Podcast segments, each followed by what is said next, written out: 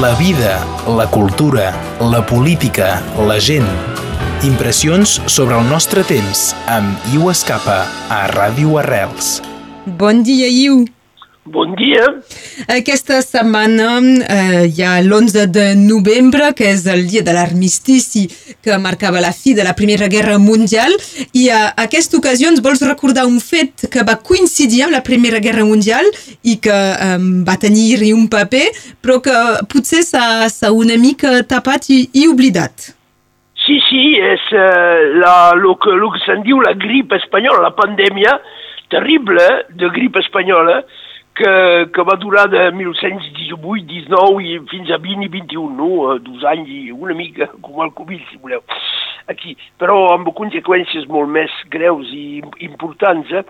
i que ha estat completament tapat perquè finalment se va acabar la guerra i van uh, celebrar una victòria que uh, d'una manera molt excessiva i van, van, van amagar van amagar tot això, hi ha pocs llibres, eh, se'n parla molt poc, i sovint és descuidat, perquè encara va fer més morts això que la guerra. Eh, i va tenir conseqüències importantíssimes dins l'història eh, que, va, eh, que hi va haver després de, de la guerra. De fet, ja el nom és conseqüència de la guerra, la grip sí, espanyola. Sí, sí, ben entès, ben entès, perquè si és una gripa, a un moment donat era contestat, ara sembla que eh, els científics són d'acord per pensar que era una gripa nova, nova, un virus completament nou, que és per això que la gent eren pas immunitzats, no?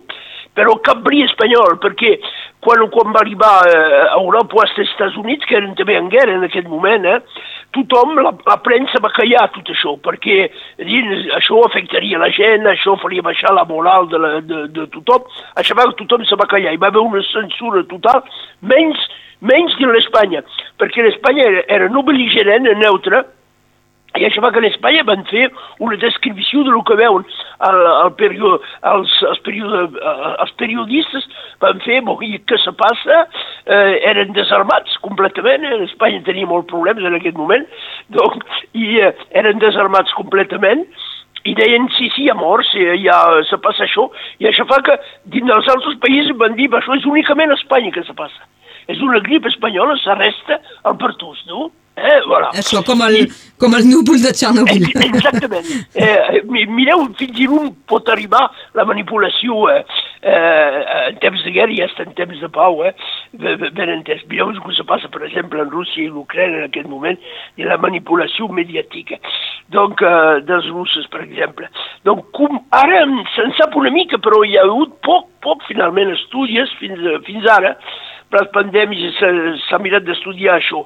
Sembla que això, la primera vegada que se'n parla, és dins d'un camp de l'exèrcit americà als Estats Units, al Kansas, un camp on eh, soldats s'entrenaven per, eh, per passar a França. Eh, per passar a França. Eh, Llavors, a partir de 1917 hi ha hagut l'intervenció dels americans per venir a ajudar eh, els aliats anglesos i francesos dins de França, i donc eh, aquests camps s'entrenaven i els primers casos, però que eren pas massa contagiosos que, ni, ni mortifers al final de, del 17. Eh?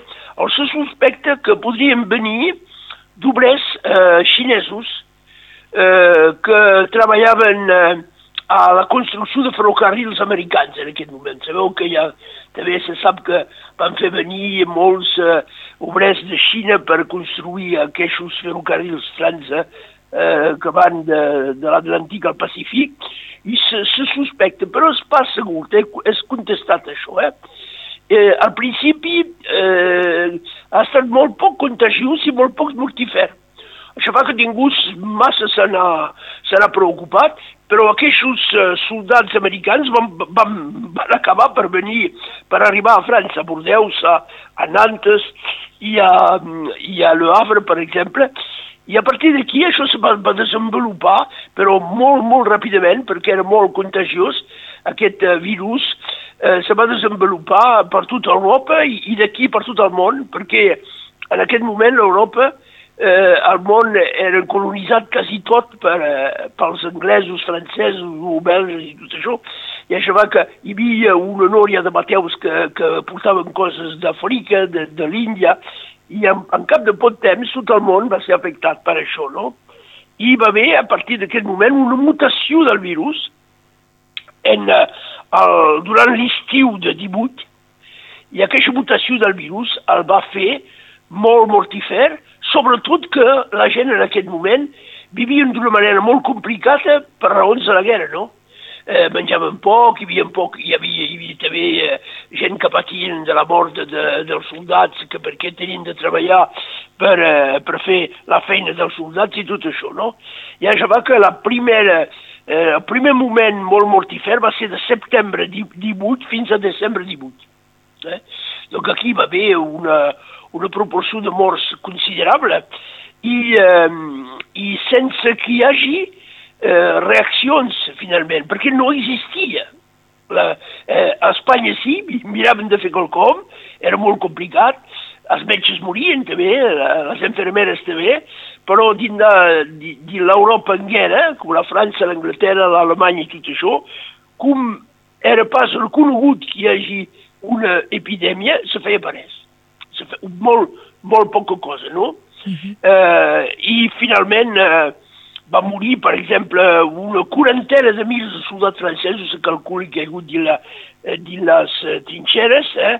eh, anava molt a reta això, eh, en 15 dies la gent era malalt i se morien de pneumonia, en molts llocs hi, hi, hi va haver entre 30 i 50% d'afectats, eh, pas de morts, però d'afectats, la meitat de la població, per exemple, eren afectats i d'aquí morien eh, unes 10%, unes 15% en aquest moment, eh, sense que la gent diguin parès, no? i sense que se fes, faci la, la més mínima, eh, la més petita cosa. Eh, i, eh, I això va fer que eh, finalment moressin una, una, molta gent, nens i gent jove, eh? i sobretot dones, perquè les, els homes joves eren de les trinxades, i això va que moltes dones entre 30 i 40 anys van morir, per exemple. I això va afectar molt mm, per després, no? Perquè tota aquesta gent que va morir eh, van, van faltar d'una manera o d'una altra eh, després, després de la guerra. Eh, que com, com van fer per, eh, per, eh, per mirar d'arreglar això? I bé, hi va haver casos individuals, pensi, per tot arreu. Eh, ho, ho, vaig, ho vaig estudiar a Pesià. A Pesià hi havia un metge, vell, el doctor Sucai, que va ser eh, perquè el batlle era mobilitzat, era d'on dir del front, i aquell metge, ho, aquell metge ho va comprendre, això. Va comprendre i eh, va mirar sense dir, no?, eh, sabeu, dins de les deliberacions del Consell Municipal, va mirar sense dir d'atrapar solucions. I la solució que va atrapar és de crompar una terra per fer un altre cimenteri més lluny del poble, perquè pensava que eh, enterrant la gent a un cimenteri molt al costat de les cases, això desenvolupava l'epidèmia. No? El, que el virus això, es quedava. Eh, exactament, i això va que va, hi va, hi va posar aquest cimenteri i per buscar diners per acrompar aquesta terra, va, va fer una, una hipoteca a, a més de 25%, perquè en aquell moment hi havia passat, tot, tot anava a la guerra. I va dir a la gent, eh, perquè acceptin això, i bé, hi posarem a dins els soldats morts d'aquest cimenteri que tornaran de la guerra. És, és el que se va fer, eh, realment. Eh, el monument als morts a Pesià dins d'aquest cimenteri és, per exemple, aquesta mesura en, totalment individual, eh, jo crec que deia Parés perquè tenia por que finalment tinc un problema amb, amb, amb, amb les autoritats, no? I és el que se va fer. Caldria estudiar, a veure el que se, que se va fer en d'altres llocs, però segurament coses així, i encara aquí és, era perquè era un metge.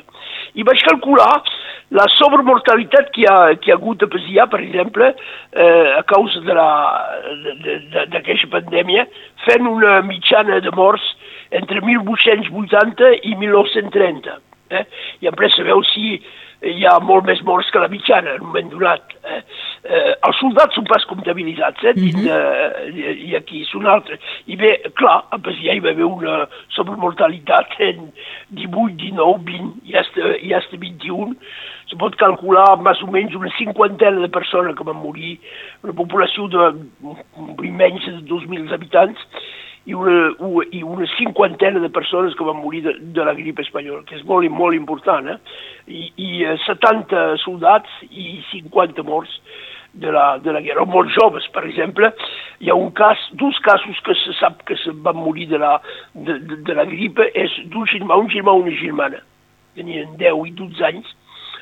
Tenien germans, eh, i, tot, eh, i eh, són enterrats en aquest cimenteri, no, precisament. I donc, eh, que va morir de la, de la gripe, això és, és, ho sabem que és de la gripe. I també la, la germana d'un metge jove, que va morir a la guerra, i la seva germana eh, va morir de, de la grip espanyola eh, a Pasià. Eh, donc, i, eh, I els altres se pot veure, perquè és el mes d'octubre, novembre, dicembre 18, i en pres eh, febrer, eh, març, abril i maig 19. Eh? És la, els dos moments on la majoria de gent moren d'aquesta gripa. La, la, és l'estudi sociològic eh, de, local de Pasià. Exactament, no, no, perquè és, seria interessant de veure en molts pobles això, és, mm -hmm. és mhm. fàcil, eh, amb... Eh, és fàcil més temps.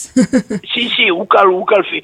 Bé, però és molt interessant per veure el contacte, sobretot que han pres la memòria col·lectiva de la gent, ningú se'n parlava. Jo vaig, eh, vaig demanar als meus avis, no?, perquè eh, tenia, el meu avi eh, paternal va fer tota la guerra, va, va ser eh, ferit molt greu a un moment donat, la, la meva avi, que se va morir a 106 anys, ella tenia 20 anys en 17, i sí, sí, se recordava que la gent moria, però com sabíem pas que hi havia una, una epidèmia, eh, se van pas donar compte que era una epidèmia. És, és terrible la contrainformació, no? deien que perquè la gent, a cos de la guerra, menjaven mal i això els, eh, els, eh, els feia dèbil a costat del fred o com així, perquè se va caure amb el fred també, la primera vegada, eh? Uh -huh. I, va fer molt de fred i pensaven que era la fred no? que, que, que ocasionaven això. I, eh, i finalment la meva avi mai s'havia donat, donat compte, quan jo hi, hi vaig parlar d'això, que era aquesta epidèmia. Eh? hi, ha, hi havia cap, cap informació. Després de la guerra això se va callar, calia, pas, calia parlar únicament de la victòria i tot el bo, el bonic i el eh, eh, fa, fantàstic que era la victòria, i això en calia pas parlar. Eh? Voilà. Hi, havia, hi havia pocs recursos. Al final de la guerra, després de l'11 de novembre de, de, de 18, van, van, van dir als prefectes de, de fer distanciació de la gent, de posar mascarats i tot això, però dins del món rural la gent ho feien pas, ho, ho, eh, ho van pas fer, i va haver poc, poc voluntat també uh, d'ho fer. Hi havia pas de, de poc uh, medicina per arreglar això, l'única cosa que tenien uh, era aspirina, i, i aspirina feia pas massa gran cosa amb aquesta pandèmia, uh, i s'ha estudiat finalment molt poc, ara en aquests moments ho, ho han estudiat una mica, s'han donat compte que era un, eh, un virus nou, que havia sortit en aquest moment i que explicava la, el, el nivell de, de, de contaminació, eh, perquè hi havia pas cap immunitat. Eh, podem pensar, per exemple, ara amb la grip, els virus que hi ha, molta gent tenen una, una mena d'immunitat, no? I en aquest moment, virus nou, cap immunitat, doncs tothom afectat. Eh, I això eh, eh, és eh, el que se pot saber. Moltes persones conegudes van morir. Eh? Mm. Per exemple, la Apollinera. Apollinera, que havia estat ferit durant la guerra, eh, va morir de la, de, de la grip espanyola. Eh, va morir també Edmond Gostan, eh, per exemple. Un pintor austriac molt conegut, Egon Schiele, i eh, d'una manera molt sorprenent l'avi d'en Donald Trump. D'acord. Va, va morir, va morir. Els germans Dodge, veus una, els que van vingut la, la creació d'un cotxe, el Dodge, no? Els germans Dodge van morir d'això i una, una, una persona molt coneguda, que era un anglès que se deia Skies, que va morir a París al moment on feien un acord que se'n diu Skies-Picot, i aquest acord és fundamental encara al dia d'avui, perquè és aquest acord que va, que va fer l'organització de, de, de l'Orient Mitjà després de la, de la Primera Guerra Mundial, amb la creació del Liban, de, hasta del comença del principi de l'estat d'Israel i eh, la repartició entre Síria, que, que França administrava, l'Iraq que administrava els anglesos, eh? i aquests acords perquè tot això depenia de l'Empiri otomà, i com l'Empiri otomà era vençut, eh, aquestes parts s'ho van compartir França i Inglaterra, i encara això es pas arreglat el dia d'avui, eh, si, eh, si voleu. És un del, de, de l'origen dels problemes que hi ha, un, eh, pas, pas el sol, i els CAIs, l'anglès que negociava això a França amb un tal Picot, eh, que era un general francès, va morir de la, de la grip espanyola al mig d'aquests acords. La grip espanyola, el fet històric que avui hem, hem repassat amb l'Iu Escapa. Moltes gràcies. De res, bon dia. Adéu, bon dia. La vida, la cultura, la política, la gent. Impressions sobre el nostre temps amb Iu Escapa a Ràdio Arrels.